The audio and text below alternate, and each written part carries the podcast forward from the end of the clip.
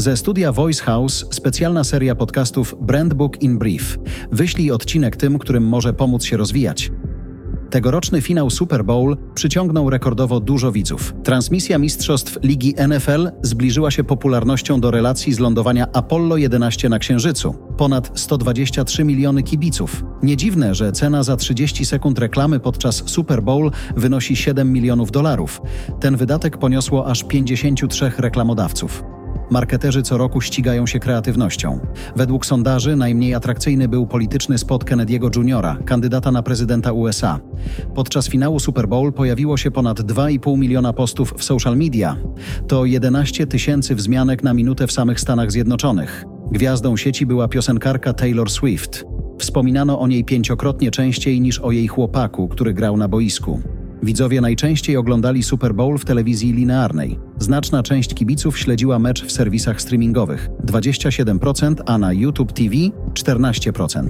Telewizja nie umiera, ale wypierają ją alternatywne media. Fox, Warner Bros. Discovery i Disney chcą uruchomić nową spółkę zajmującą się streamingiem, gdzie wszystkie programy sportowe będą dostępne pod jednym kanałem szerokopasmowym. Umarł Bart. Niech żyje Gemini. Google poinformował o swoim nowym chatbocie AI. Oficjalnie dołączył do wyścigu z Microsoftem i OpenAI. Chce zgarnąć kawałek tortu sztucznej inteligencji. Choć Bart nie przebił się w polskiej świadomości, to już ma nową odsłonę.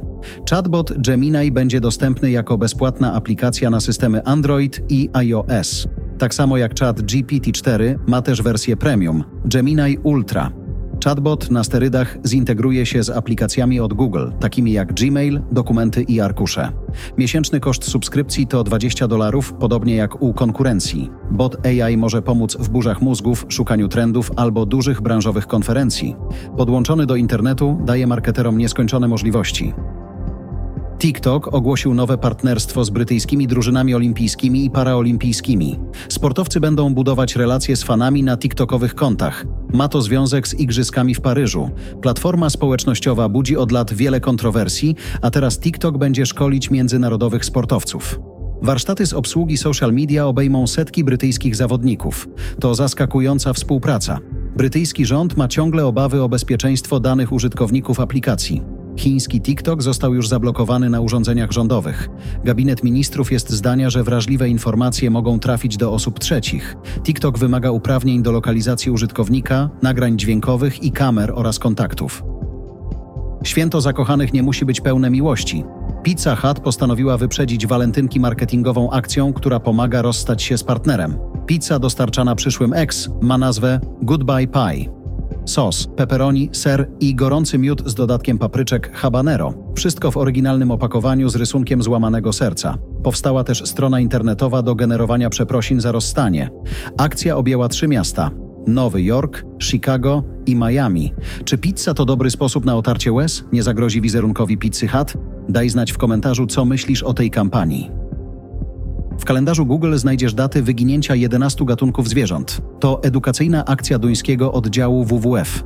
Każdy użytkownik sieci może subskrybować kalendarz dni wymierania. Najbliższą datę ma ptak Akikiki.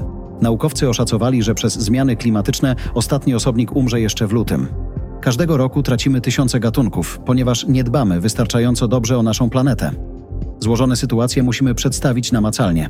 Dlatego przybieramy twarze gatunkom, których nekrologii zostały już napisane. Komentuje kampanię sekretarz generalny WWF Danii. W Biedronce mandarynka luz tylko 3,50, a w Lidlu drożej i gorzej.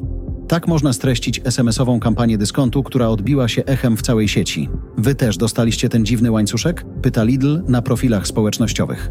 Klienci Biedronki otrzymali masowo wiadomości z reklamą porównawczą. Dyskonty agresywnie walczą o uwagę, a nad uczciwością akcji głowi się Urząd Ochrony Konkurencji i Konsumentów. Czy głosy oburzonych ludzi i szum w mediach zaszkodzą wizerunkowo Biedronce? Zapewne nie, komentują eksperci, choć potwierdzają, że otwarta konfrontacja marek w komunikacji marketingowej to rzadkość na polskim podwórku. Lidl szybko zareagował.